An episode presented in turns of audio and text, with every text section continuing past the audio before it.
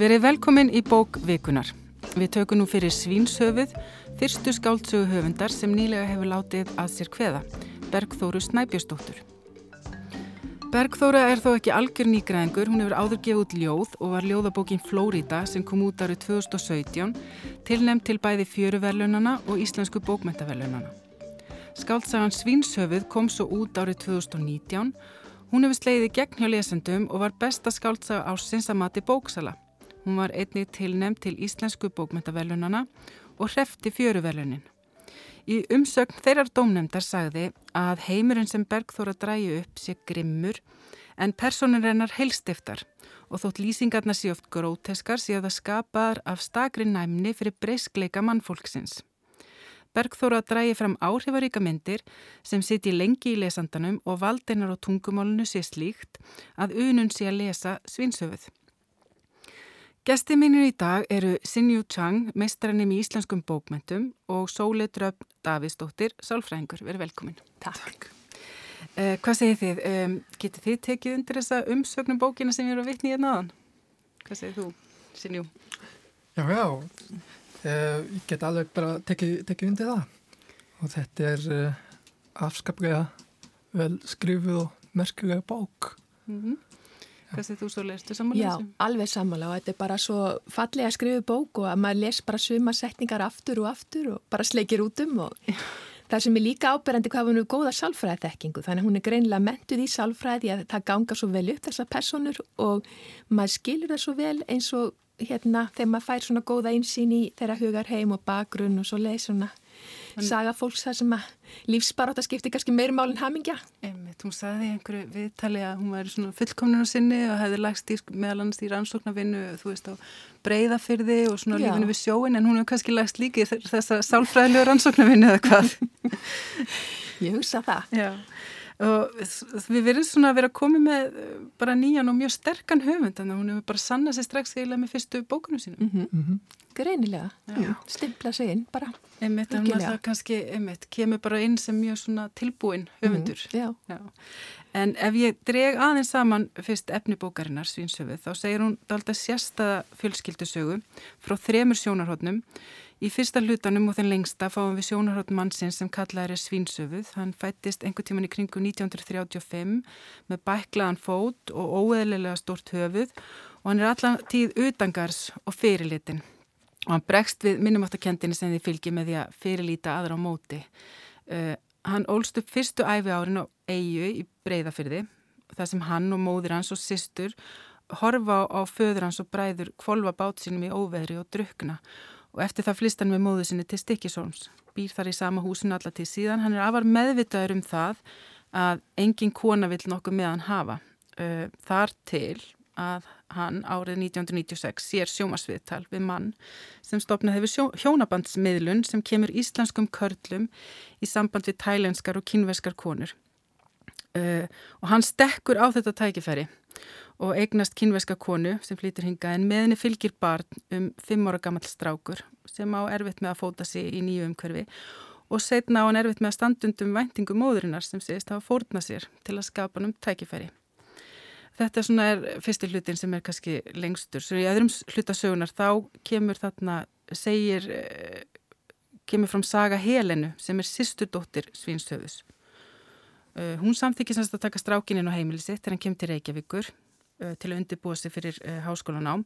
En hún er sjálfa kljást við sína eigin djöbla undir svona, hvað skal segja, áferðarfallegu yfirborði vísitölu fjölskyldunar og síðasti hlutin hann segir svo, er svo sagðið frá sjónarhóttni stráksins sjálfs. Og það er eini hlutin sem er sagður í fyrstu personu og áður en við höldum lengra þá skulum við kannski heyra hvað Bergþóra sagði um þessa uppbyggingu sögunar í viðtali við Eirik Guðmundsson í Viðsjá Ég var svolítið að leika mér með sjónarhótt í, í verkinu að hérna í bókinni að, að sagt, hvernig maður uh, hvernig upplifun eins er aldrei eins og annars af sama atbyrjunum, hvernig minningar afbakast og, og hérna og já, mér fannst það einhvern veginn nöðsilegt að gefa honum smá svona tækifæri til að segja þetta frá sínu sjónarhóttni Bergþóra Snæbjörnsdóttir sæði hér frá bóksinni Svínshöfði og hjá mér eru Sinjú Tsang og Sóli Davidsdóttir. hvað segir þið, hvernig fannst ykkur þessi uppbygging bókarinn þessu leikur með sjónarhóttnin? Þú byrjar sinni.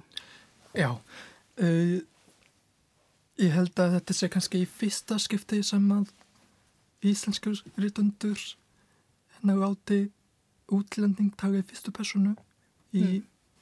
í íslensku, íslensku bókundum almennt og þetta er mjög merkilegt Þessi og, síðasti hluti þá, já, sem að strákurinn fyrir já. Mm -hmm. Og að segja uh, sömursöguna frá, út frá mörgum svona hórnum er kannski eins og að brjóta saman sögpersona svona aftur og aftur mm -hmm. og uh, ég held að þetta, en ég held að Berður bara tekst mjög vel mm -hmm. en að í bókinni. Þessi uppbygging gangi mjög vel og fá þetta svona í lokin hans sjónar, það er náttúrulega, þú veist, maður fær svo miklu meiri einhvern veginn insýn þar, já. Hvað segir þú Stóli, hvernig fannst þér svona? Já, mér finnst það rosalega flott og sérstaklega af því að þau eiga öll við erfileika stríða þeir, og það er hérna farið svolítið vel yfir og það er svolítið áhugavert að spæla í líka hvað þau eiga samild þessar personur. Þau eru öll svona tilfinningarlega einn, þannig að þetta er svona pínlítið svona hundra ára einsamt þessara einstaklinga hverjotni sínu hodni og þó þau séu saman, það verður svinsöfuð til dæmis ennþá einni þegar hann er komið með einhvern sem að hafnar honum en er samtáðunum Mm. Þannig að, já, þetta er kannski þetta, þetta hvernig, hvernig við erum í grunninn til bara einn og berjumst við okkar í einveru og allt þetta. Sjáum bara okkur sjónarhótt kannski. Já, það er kannski endur svöglega það líka. Og það er mjög skemmtilegt. Ég man að vera eins og gefin út bók akkurat þar sem að Salfrængur skrifaði sögur viðtölum og sá sem var í viðtölunum skrifaði sömu sögu og þetta voru eins og algjörlega tvær sögur. Mm. Og það er svo, svo skemmtilegt hvernig sjónarhóttni er misan frá hverjum bænum, hvernig það litast líka því sem fólki hefur gengið í gegnum. Þetta er samt þrjár sögur um þrjárs personur. Já. Já, mér fannst þeim taka svolítið vel að endur taka ekki. Því að, mm. þú veist, einstakastinu sér maður finnst manni kannski verða endurtekning mm. þegar maður fara næsta sjónarhótt, sko. Já. En mér fannst það taka svolítið vel að það kom alltaf nýtt eitthvað mm. þetta. Já. Þannig að, já. En hún skapar mjög pers sterkar personur í þessari bók og mér langar svolítið að tala þá mikið um þær og ef við byrjum þá á Svínsöfði hann var skýrður uh, Gunnar í höfuð á látnum bróðu sínum um, og hann er ekki kannski beint geðfeldmanniska en kannski trúverðu því að aðstæðar hans eru náttúrulega fá fyrstu tíð uh, svona nöturlegar myndi ég segja og ég hérna hún hann náttúrulega hérna það er svona svolítið kaldranalegt einhvern veginn þetta mm. uppbeldi sem hann fær mm. og, og hérna og allar aðstæður á þessari eigi það sem hann elstu fyrst og í viðtali í fréttablaðinu eftir útkomi bókarina þá sagði Bergþóra sér að það ætti mjög vænt um svíðinstöfuð og það hefur verið mm. skemmtilegt að setja sér spór eldri íslenskall sem að verður svona svolítið utangars í samfélaginu og við skulum heyra hvað Bergþóra hafði um svíðinstöfuð að segja í viðsjá. Hann kannski e, spekla líka svolítið þetta gráa svæði, þú veist, okkur hætti til að skipta fólki gerendur og þólendur mm -hmm. þegar að við erum flest bæði, að leynist allavega uh, báðir, bæði ger, gerandi og þólendi innra með okkur öllum Já. þannig að hérna þannig að hann svona, uh, jú, er þjakaður af einhverju sásöka sem hann svo dreifir áfram Hér lísti Bergþóra Snæpistóttir persónu sinni Svínsöfði um, Hvað segir þið, eh, Sinju og Sóleg, hvernig myndir þið lýsa þessu manni?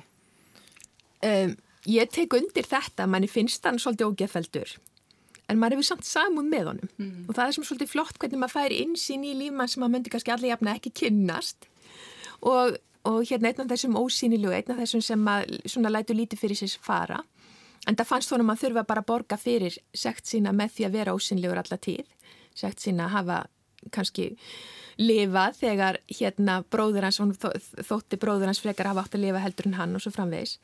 Þannig rauninni, já þetta er bara flott, opáslega flott persónsköpun, einhverju manni sem að engin næralmiðlega elskan en maður kannski mammas. Já, emmett. Svinshöfuð, henni með raunsæg persóna og henni með sko áferð bara lífsins eins og við getum kynst svona manni alveg í, í, í lífinu. Já, emmett líka doldið skemmtilegt, svona skemmtilegu karakter eins og hann tala um þetta að þú, hann þól ekki kallmenn með sítt hár af því hann finnst alltaf að vera svolítið bara mónt að vera með sítt hár og hann lærið það fljótt að mætti ekki gráta og svo egnast hann fóstu svon sem að grætu freka mikið og mjög viðkvæmur þannig að hann læri mjög fljótt að harka af sér og Já. og eins og ég sagði þá náttúrulega þann horfir svínsið við á pappa sinn og breiði drukna og að hann mm. nýbúin að eiga í útistöðum líka við eitt bróður sinn þarna, mm. sem að druknar þarna mm og þetta hefur náttúrulega lítur að hafa mikil áhrif á hann bæði þetta og svo bæklunin og bara svona almenn harneskja á þessum tíma þetta, mm. þetta lítur að vera einhvers konar og svo líka náttúrulega með mömmuna og sístuna þetta er fjölskylda sem að vinnur ekki úr einhverju áfalli eða hvað. Eh, það sem ég var náttúrulega að spája það er þessi yfirlýsing hjá henni hérna Bergþórið þetta með, er, þú veist, eru allir í þessar bók bæði gerendur og þólendur, það er náttúrulega líka svolítið áhugavert, Mm. eru við öll gerendur og þólendur? Ég, ég myndi segja það. Og, og eins og með hann að við sjáum og það sem er hérna, maður vil minnist ofta á það þetta að við gerum öll eins vel og við getum. Það er sjaldan sem fólk kasta til hendinni. Þannig að fólk er að berjast eins og sagan í bókinni eins og vatnakarfarnir sem er að berjast í ströymharðri á og reyna að taka stökkið og vera að drega sem að fæsti verða. Og það er akkur það sem hann er að gera við það sem hann hef, fær í veganesti sem er fátaglegt þannig að hann er einhvern veginn að reyna að komast í gegnum lífið eins og við all hinn og, og með þá svona veikleika sem hann hefur og takmarkanir Já, emmi. og mér hérna það er aldrei sorglegt og þetta er svolítið sásökafullt sko af því að hann er, hann er að reyna og hann, til dæmis, hann er að reyna að tengjast fóstu sinni sínum með þeim aðfyrir sem hann kann bæða agan og, og svona og, og hérna Og einmitt hann talar um það að uh, þau þannig að sískinin, Mm. einhvern veginn, hvernig þau allast upp, þau kunna eiginlega bara að sína hvert öðru svona hörku eða næstu því ofbeldi Mhm. og þannig að þú veist, hann kann kannski ekki svona beinlíni svona góðar aðfyrir til að ná sambandi. Hann reynir Já. kannski, hann reynir kannski agan eitthvað eða svona, er kannski ekki einu sinni sko eins og það sé neitt alvarlegt að baki. Það er svona meira einhver, og þeir svo reynir að kaupa handunum hettupeysin á endanum sem hann langaði svo í og þetta og reyna svona gera gott úr þessu og En það er alltaf þetta með, uh, líka með áhugavert þetta með sársökan sem er dreift áfram því að Bergþór sæði viðtalið fréttablaði, hún hefði þurft að fara langt aftur í fortíðina til að geta fjallað um samtíman til þess að skýra hvað fólk gerir í nútímanum. Þannig að það er sagt, fyrri kynsluður hafi áhrif á okkur öll í rauninni. Og hún sagðist líka við sig að vera að skrifa um sársöka sem erfist og hún myndist reyndar á kenningur um að geta jafnvel verið genatíst. Og, og þetta með að, að þetta erfist hanga til einhver horfist í augu við sásökan sem að svínsöfi geri ekki. Er þetta eitthvað sem er svona svolítið viðtekið í eins og annað þetta með að sásökir hinnlega bara erfist.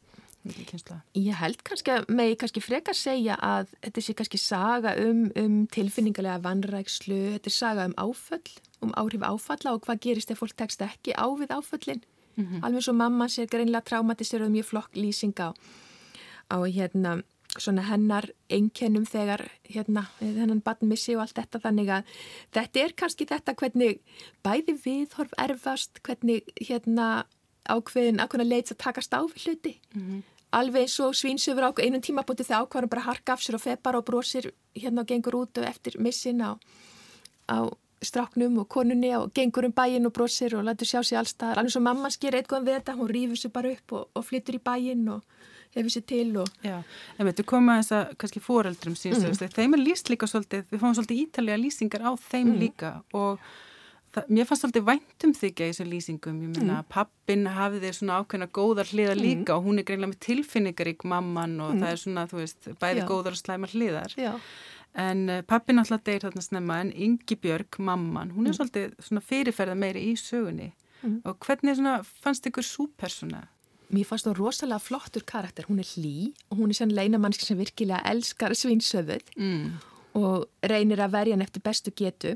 Og svo er hún líka svona mjög dramatísk, tilfinningarík og líka, líka hörð, þannig hún er svona mjúk og hörð og bara daldil karakter eru alltaf að segja fólki frá martröðum sínum og svo leiði sem að í heimi þar sem að raun og veru tilfinningar og, og, og veikindi og, og, hugsanir og svona eiga að vera engamál fólk sem að þeim þótti bræðrunum þannig að hún er daldið svona sterkur og flottu karakter og hvernig hún rýfur sig upp og byrjar upp og nýtt og það er líka mjög góð lýsing á því hvað hún er traumatiserð og hvernig tráman breytast henn, hjá breyta henni.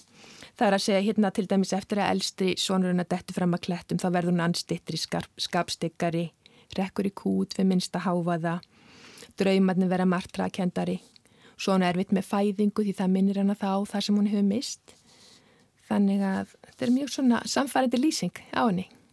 Einmitt. Hún nær svona að taka eiginlega flesta personar að gera þér svolítið, hvað hún kallaði sjálf að vera þrývíðar, Mm. að gera þér svolítið svona, uh, Já. hvað segja, raunverulegar. Mm. Eða, og það er kannski það, einmitt að þær eru alls ekki fullkomnar en uh, maður, svona, maður fær uh, kannski ekki beint samúðandilega með þeim en maður skilur mm. svo sem alveg en uh, þegar við höldum áfram að taka persóna fyrir þá kemur síðan til sögunar hún Marja og hún kemur til Svínsöfus frá Kína til að skapa tækifæri fyrir sig en aðalega kannski fyrir svon sinn. Og við skulum heyra hvað Bergþóri segir um hana. Alltaf fundist það í raun og veru rosa fascinerandi hérna uh, hugrekki og kjarkur þessara kvenna sem að kominga uh, eh, inn í og, og, og bara út um allan heim gifta sig eitthvað til þess að uh, eiga tækifæri á aðeins betra lífi fyrir sig og fólkið sitt og hérna og langaði að gera svolítið þrýviða personu Hér listi Bergþóra sögu personinni Marju í bókinni Svínsöfði Haldur og Sólei, hvernig fannst ykkur takast upp með Marju? Mér fannst hún aðeins óræðari persónu heldur en stjúpfeðgarnir hérna, uh, synsöfuð uh, eiginmaðurinnar og svo sonur. Uh, hvernig fannst þér takast upp? Hún er bara vendadómur í bókinni. Já, er það ekki? Við vitum mjög, mjög, mjög lítið um hana. Mm um, en það vilst sem það búi svolítið margt að baki þessara personu, mm þessari personu Hérna, hún er mjög skemmtileg eða kannski mjög, ós, mjög, mjög leiðileg eins og, og strákurinn eh, segir á einum staði þess að mamma var miklu skemmtilegri í Kína en á Íslandi Já, um. Já. Og þannig að það kemur svolítið fram að hann vil sleppa út af heimilinu þarna þegar hann er núlingur og þá er það af því að hann þólir ekki stjúpa sinn. En hann þólir heldur ekki mömmu sín og hann finnst hann alveg óþúlandi þarna. Einmitt, einmitt.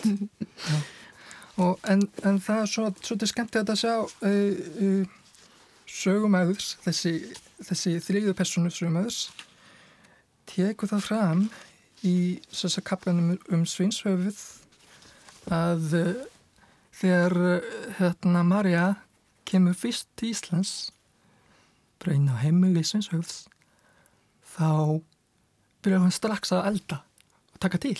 Mm -hmm. Og þegar hún er búinn að því var bara, var bara ákveður hún að standa við hlýnabarlinu á með þessu sögð borðar. Já, einmitt. En sem að segja hérna, það er engin uh, hlýðni, vangefni í augumennar. Já, svona undirgefni eða. Já, undirgefni. Já. Einmitt, hún bara, þetta er hennar ákverðin að standa þarna, það er einhvers konar augrunjafil eða... Já, já, já. Ná, þetta er bara einmitt sko, vegna sem hún byrstist þér, hún byrstist þér svolítið í einhverjum staðlýmyndum, eins og við höfum hérna um svona asiska konu, mm -hmm. en, en í, í, í þessu tilviki þá finnst mér eins og uppreist hennar sem einmitt fólkin í þessu, að ganga beint inn í staðlýmyndir, vegna sem hún veit svo vel hvað hún ætla að gera hérna. Já, hún er komin bara, já, hún hefur ákveð hlutur ekki að gegna eða, já. Já. Og það er einmitt þetta með, eh, hún verður einmitt eins og segir, svolítið lókubók, maður er ekki, fær ekki miklu einsinn inn í, maður fær ekki einsinn inn í hvað hún er að hugsa. Nei, nei. eins og maður fær með hína personunar. Nei. Það kannski undirstrykar einmitt það bæði menningarmunin sem skapar þess að fjarlæð, sko, að það er erfitt fyrir okkur að skilja. Og, en, og líka einmitt hva, hvernig, þú veist, við horfum alltaf á, þú veist, hérna já. utanfrá. Já, einmitt. en fyrir mér, já, fyrir mér taknar hérna þessi persóna sem Marja, kynveska konan, kannski líka einhvers konar takmork ímyndunar, ímyndunar apps okkar. Já. Bara hvernig getum við ímynda okkur líf hannar. Já. Bara hvernig. Og við fáum ekki einu svona kannski almennilega að vita hvers vegna, við vitum kannski svona nokkur nefn hvers vegnum kemur en aðdragandin að því er, uh, við fáum bara svona minningabrót kannski stráksins frá Kína þegar hann er sko yngre en fimm ára Já. og elst upp í ömmunni mm.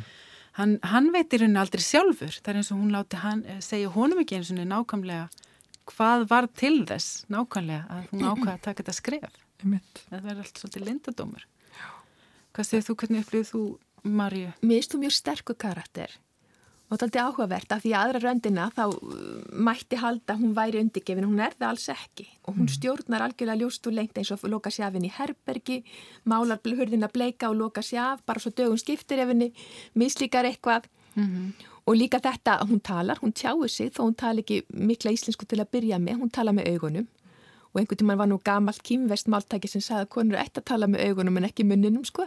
En hérna hún svo sannarlega hefur völd í sögunni og texta í rauninni að þó hún sjálfgjörlega á valdi svínsöðs þá hafnar hún hún samt, ekki satt. Þannig að hún grætur á brúkustægin og allt þetta og, og hérna lætur hann mm. alveg finna það að þenni mislíkar eitthvað. Og kallar hann þessu tvíbenda nafni svínsöðu sem Já. er svona uh, eins og þú þekkir betur en ég að tsútó og kýmversku það getur líka mert fíbl sko, það er ekki bara svínsöðu bóstalegri merkingu heldur. Já, já, einmitt. Þetta já, afstæða maður til svínsöð bara svolítið óræð. Já af því það er eins og hún býr til eða hvað? Ef hún býr til að ákveða svona þetta næstu, hún notar þetta eins og næstu gælunafn sem er náttúrulega mjög hræðilegt gælunafn en það er svona næstu því eina svona væntum þykjan kannski sem hún sýnir. Já, já. Segir, já. eða er þetta svona kynverskur húmor? Ég nota svona óþægt nafn mm. og hann ákveður kannski eiginlega að taka það þannig þetta er hans nánd við hana. Þau eiga allavega eitthvað Svo er svo sorgliturinn þegar strákurinn segir sko mamma er miklu skemmtilegri þegar hún tala kýmversku. Hún er allt önnur, hún er svona barnaleg og frekileg þegar hún talar íslensku og, en hún er allt önnur og þetta er líka þetta sem við þekkjum sem höfum búin ellendis, hvað maður tapar bæða bæði völdum og karakter þegar maður er að tjása öðru máli. Mm. Hvaða leindardúmar þessar konur búa yfir og þekkingu sem maður skilja sér ekki til okkar í gegnum málið. Að það bara, mm. þess vegna vitum við heldur svo lítið um, um konur í þessari stöðu. Mm. Og svo náttúrulega í öðrum hlutabókarinn ef við snúum okkur að honum þá allt í hennu fyrir sjónarhóttni bara allt annað þá er fyrir við e, yfir til sýsturdóttur Svínsöfuð Svínsöfuðs Helenu sem er hvað skal ég segja, henni verið líst sem kvíðinni konu í Kópavói hún er svona í frekar andlösu hjónabandi með manni sem heitir Hannes og hún er með tvöliti börn og sem verðast nú bara æsa upp í henni kvíðan Um, við kynnust henni fyrst einmitt þegar hún er að telja til að róa sig. Ég ætla aðeins að lesa upp úr þeim kabla hún er að horfa á badni sem liggur á gólfinu uh, og er svona það er ekki farið að skrýða, það er svo lítið. Hún hugsaði um að standa á fætur og skipta á badninu en hún stóð ekki á fætur. Hún taldi í huganum upp á átta. 1, 2, 3, 4, 5, 6, 7, 8 það var eitthvað við að telja sem róaði hana Þegar hún var farþið í bíl taldi hún stegurnar og ljósastöruna sem þuti fram hjá henni. Hún taldi andlitstrætti fólks, flísar á gólfinu, svalir á fjölbylishúsum, blöðin á sígrænu plöntunum í stofinni. Hún taldi stafi í orðum og setningum og lagði saman til að koma staði hvort loka niður staðan væri ottatala eða slétt. Sléttartölur voru betri. Þær eru samfeldar hægt að smætta þær niður í jöfn, pör, auðveldir að hafa stjórn á þeim. Hún sá sléttartölu fyrir sér eins og renni slétt hvít lög á meðan ottatölutna voru alltaf með krumpu sem sléttaðist ekki úr. 1, 2, 3, 4, 5, 6, 7, 8 og svo heldur þessi sena mjög lengi áfram. Hún tekur ekki upp badni fyrir henni held í hálf tíma setna mm. því hún er alltaf að býða eftir að mínúturnar verði, verði slettartölur mm. og svo missur hún af því. Þannig að badni grætur þessi örmagna á gólfinu og meðan hún er í, svona, þetta er eiginlega einhvers konar þráhegja þetta, þetta er alveg rosalega flott lýsing á þráhegja áratu Já Þeir vottu mikið skilning á eðli vandans. Já, einmitt. Þannig að hún er, hún er sest, með þess að þrá ekki kentu hugsanir og hún er með, líka með kvíða mm -hmm. og það er nú eitthvað sem þú tekir líka. Þú rekur nú kvíða með fyrir stöð. Þannig að þetta lítur að vera náttúrulega, þessi helna lítur að vera persóna sem þú kannast bara við mjög vel við. Jú, jú, þetta er bara svona dæmikið þrá ekki árættar sem að er akkurat kvíða vandamál mm -hmm. og kannski sem að hjá henni tengist því að hún er áðbásla rættum að bregðast sem móðir eins og mamma hennar gerði. Mm -hmm hún er svo hrættum að gera mistök að skada barni með einhverjum hætti. Já. og svo hrættum það hún endar hérna verið á að sumuleiti fara pílitýla með það, ná ekki alveg að hugsa nú vel um það af óttanum við að, að gera þetta ekki rétt. Einmitt, þetta hérna, komum við aftur á þessu með eh, fyrir kynnslöður og áhrifin frá eh, já, fyrir kynnslöðum mamman hefur mm. skilið hana eftir. Já bara, hún skilur við pappan en svo einhvern veginn lendar í þessu munstri að hún yfirgefur sko fjölskylduna mm. og mhm. þegar hún vil fá stelpuna aftur þá hafna stelpan henni og, og svona einhvern veginn myndast einhver uh, vítarhingur hjá þeim í rauninni að það er hafna hver annari þannig að hún heldur, það er þetta sem hefur áhrif mm. það er ekki búið að vinna úr þessu Akkurat, ja. þessi áföll sem að ganga mann fram að manni og mm. lita alla hegðun alltaf sem fólk gerir Það er eins og Já sem er bara viðkenning á uh, á um, á öllum sálfræðilegum andlegum, efnislegum samfélagslegum menningulegum hérna, aðstæðum sem að sem að valda þessum sásveika mm. Þetta er það og sagan hennar helin, hún virkar nefnilega fyrst á mig eins og svona óvænt innskot eða svona uppbrot í söguna en þegar maður náttúrulega lengri komið þá skilum maður að þessi saga skiptir miklu máli mm. þetta myndir allt saman heild sem mm. skiptir allir máli, en mér fannst líka bara helina í sjálfu sér mjög áhugaverð persóna, ertu samanlega því sinni? Jú, um, mér finnst hérna hérna fer uh, höndurinn kannski með hennar svolítið út í öfugar eins og með aðrar uh, hinnar personar ég er bara með spurningu er hún svolítið svona dæmigerð íslensk stelpa eða hvað? Hún helina Já, Já ég, að, ég hugsa það nú með að við svona að hérna er ekki bara, erum við ekki öll bara svolítið mikið kvíðinn og, og hérna á taugum?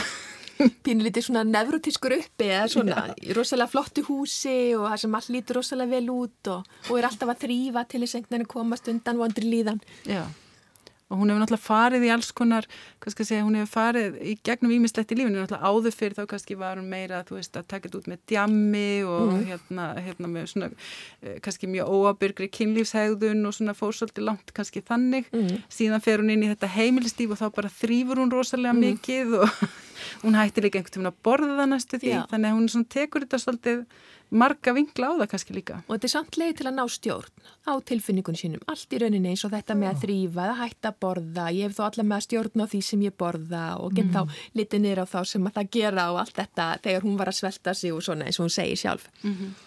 Svo þetta ná stjórna á svona mikroumkörfi. Já, akkurat. Mm.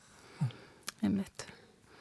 Og svo hérna, einmitt, í lokin, í síðastar hluta sögunar, þá fær strákurinn Gunnar Yngri sem er nú eiginlega aldrei kallaður Gunnar í sögunni en hann fær orðið og í þeim hluta þá skýrist líka samingisögunar mm. í rauninni það er svona ímislegt sem að það kemur í ljós til dæmis hvað harmleikur það er sem er vitna til í upphafi og kannski ég hef nú viljandi ekki farin mjög mikið í það því að þú, ég hef nú verið kannski að lýsa sögunni ansið mikið mm. þá verður verið eitthvað eftir fyrir lesendur en, eh, en hérna það kemur svona meir í ljós hvað það er sem mm. í rauninni gerðist mm. því það er vitna til þess fyrstu að eitthvað ræðilegt hefur gerst og hann, en þegar svo ég sagði í byrjun þá á þessi strákur erfitt með að fóta sig í landi, hann var erfitt með að standa undir væntingum móðu sinnar, hún segist að fórna sig fyrir hann, en svo er hann líka samkynniður til að flækja málun aðeins.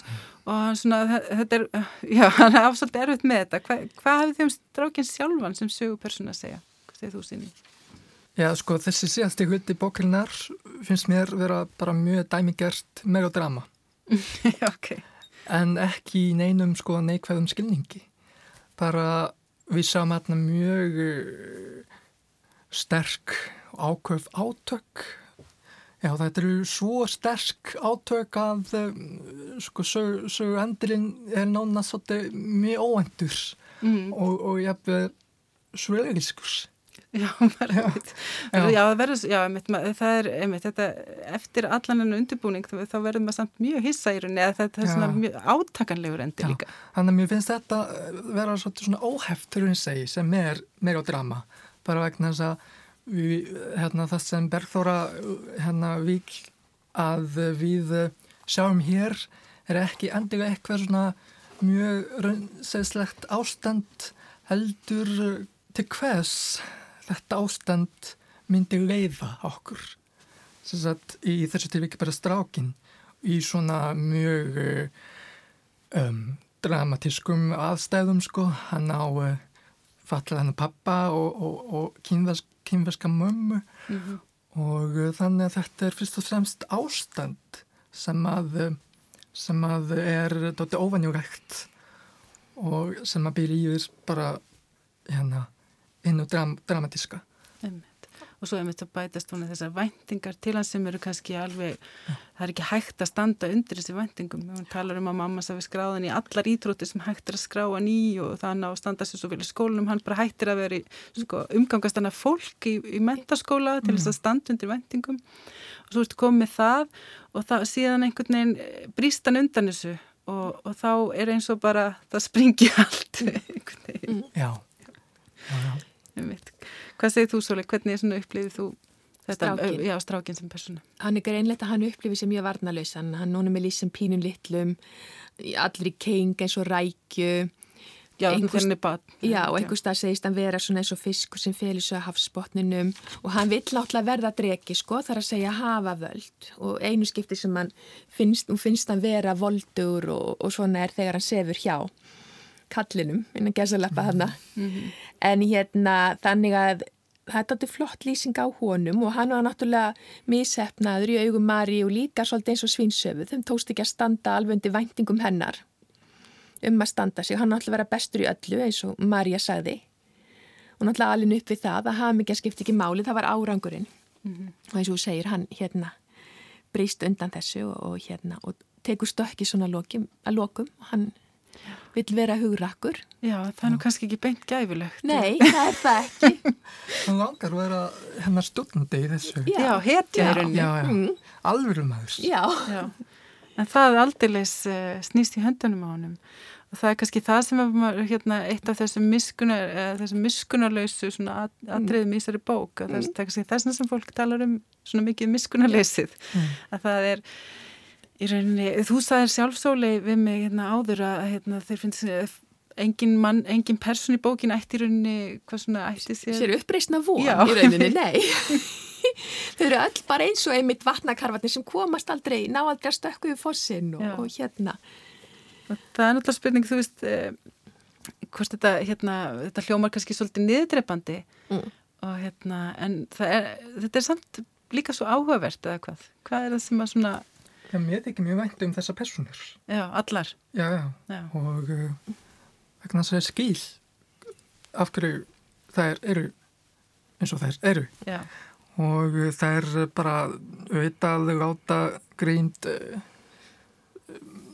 frá ymsum hliðum uh, greipa sig. já, En einhvern finnst mér eins og þeir, þeim hafi líka tekist að flýja undan þessari og sveinshöfuð veist, og, og herina og kannski nema, ég veit ekki með strákin en uh, en uh, síðasta hlutin er sagður sko af stráknum sjálf mhm, þannig að frásögnin í frásögninni er hann stór, svo voldugur mhm. ekki lengur svona vægu kjói þannig að ekki eitthvað svona aukatrið, Já. einhver lítill Þannig að mér finnst að hérna líkur svona von þú veist, að, að, að eh, finna sér leið út úr greindinni hérna frá samfélaginu og Einmitt, og kannski eins og tala um í svona kringum eins og með tráma og annað þetta með að uh, hafa rödd í rauninni og að fá þetta, fá að segja frá, Já. hann fær frásagnarödd sjálfur, já, fyrstu personu og það er kannski þá mjög mikilvægt þetta með uh, frásagnaröddina Já. Að, já, sem kemur þarna einn þessi kapli hann er líka einmitt, þessi síðast hann er svolítið öðruvísi kannski en hinn er hvað var það stíl uh, mm.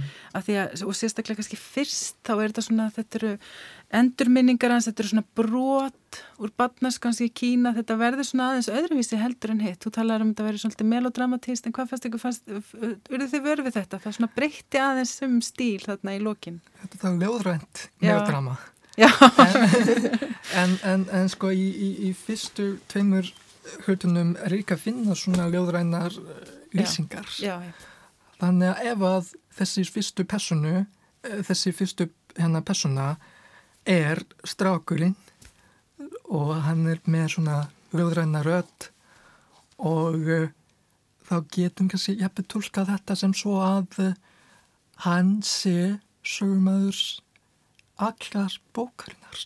Mm, þannig að hann er, hann er bara að segja alla söguna þess að já eins og sagði kannski finna sér leið út úr greindi- greindinni og trámun, trámunu mm og einmitt, þegar eins og ég segi þá náttúrulega er eh, þó massi útskýrst þessu kapla þá þarf maður samt en þá kannski að geta líka svolítið í eyður, það er náttúrulega hún, hún lókar kannski ekki alveg öllum uh, svona, já aðla kannski hvað var þar uh, hérna Maríu, uh, mömmuna það er Mm. kannski svona verður alltaf svolítið leindadómur eftir hvað var þar hana Mm. en hérna En mér fannst svona bókin fjalla miklu um að vera utangars einhvern veginn og þetta er svona innra tóm eitthvað sem að þessar manneskir allar eru með mm. uh, hún tala nú mér bókstælu um það helina, hún þurfa að fylla upp í eitthvað tóm mm.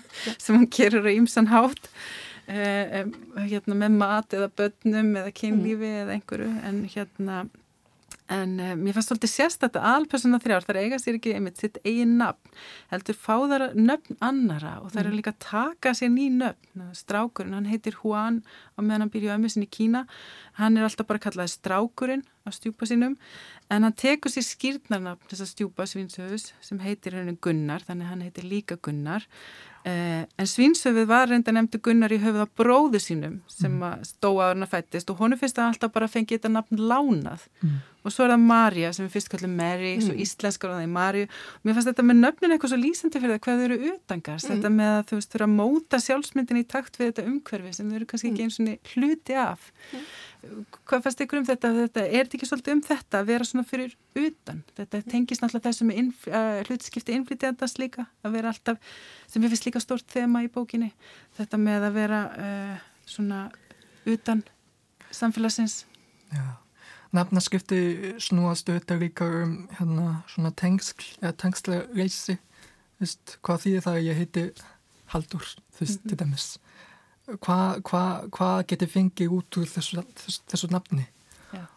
Einmitt, hvernig passar það inn í mm, umhverfið eða, já, já. einmitt. Og ég veist að hugsa sko því þau, þessar personu virðast í rauninni ekki tengja sig beint við þessi nöfn. Þetta er mm. bara eitthvað svona eins og gunnar er bara eitthvað sem maður bara velur og hann veit ekki svona af hverju. Já, bara reyna... nöfn eru tóm sko innan tóm, nöfn eru innan tóm. Einmitt. Já, það er bara eins og nöfnin tilheriðum ekki almenlega, sko. Þannig að það er ekki einu sinni tengsl við nafnið almennilega sko. og það er einmitt þetta og það er náttúrulega kannski endur spekla það að þau tengjast heldur ekki umhverfinu. Það mm. er þetta með að standa mm. svolítið fyrir utan. Það eru ósynileg svolítið. Eða gef, gefa nöfni í skinn hvað myndi verða af þessum munnum sem taka nöfn annar. Ég líka veldi fyrir mig bara eins og helina kallar manni sin alltaf bara kallin Já.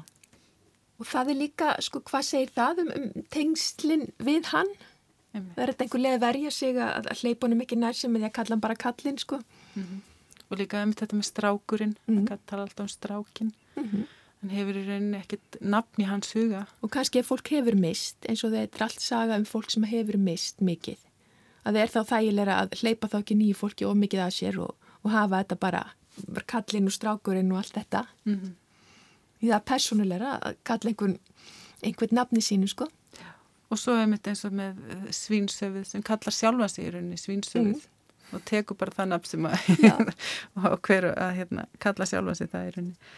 En einmitt, við, þú myndist aðeins á, á þetta með að fá uh, sögu sem er sögð af útlendingi segir svona, í fyrstu personu já, í fyrstu personu og þetta er náttúrulega svolítið óplæður akkur í íslenskum bókmyndum kannski þetta með uh, hlutskipti innflytjanda og þeirra sjónaröfn Já og, og hérna og útlendingurinn í bókinni er eh, aðpersona ekki í bakgrunni. Já. og þetta er mjög já, þetta er mitt svona nýtt svið sem að íslenski ritundar er núna að hérna, uppgötva. Emmitt og eins og við tölum um mamman sko Marja, hún kannski fer í þetta svolítið hefðbundnara hlutverk, hún er svona svolítið, e, maður sér hana utanfrá, hún er meira svona auka persóna kannski eða, en, en eins og segi strákurinn, hann verður meira í miðjunni, það er hann sem þetta snýstum. Emitt. Emitt. Um, en að lokum þá er mitt hafa gaggrindur og þeir sem fjallaði um bókina þeir hafa oft rætt um hversu nöturlega hún er og miskunnarlaus og jafnvel köld. Og en þrátt fyrir það þá er svínstöfið eins og ég segði upp að við hafa slegið í gegnum lesendum. Ég hef bara sjaldan heyrt fólk tala jafn mikið og vel um bók. Og hérna og kannski er það af því hún er svona nöturlega, ég veit ekki, hvað segir þið? Tristið ykkur til að reyna að útskýra eitthvað þess að svona hrifningu sem að bókinu var ekki á lesendum? Já, mér finnst Þetta eru auðvitað, jú, óvenjulegar personur en Berþóra skrifar um þær ekki til að segja einhverja, hvað segja, fórvitni mm. manns um hérna hýð óvenjulega. Mm. Heldur eh, bara að búa til svona, já, raunsæjar personur. Sem við getum tengt við? Já, mm. akkurát. Hvað segir þú Sóli heldur það sé málið? Já, kannski gefur hún okkur insýn í svona, hvað var að segja, svolítið saga hérna ósynilegu sem að við skiknust inn í líffólk sem að við myndum kannski ekki öðrum kosti endilega kynnast svo auðveldlega mm. og líka bara, já, þetta er kannski svolítið fallet hvernig þetta er bara fólk sem er best áfram þrátt fyrir allt, svolítið á móti strömmnum sem að einhvern veginn, já, reynir bara að lifa af mjög erfið skilir þið. Þannig að það er kannski það sem að, já, gera það verkum að maður finnur til með þeim líka og manni finnst það flott, svona hvernig listur úr því. Og þar með þá ljúku við þessar umfjöllun um bókveikunar. Eh, Sinju Chang og Sólei Dröfn Davísdóttir kæra þakki fyrir komuna og fyrir spjallið um bókina Svínsöfuð eftir Bergþóru Snæbjörnsdóttur Ef hlustendur vilja halda áfram að spá í verkið er hægt að nálgast við töl og annað tengt bókveikunar á heimasíðu þáttarins rú.is gástrygg bókveikunar. Verðið sæl.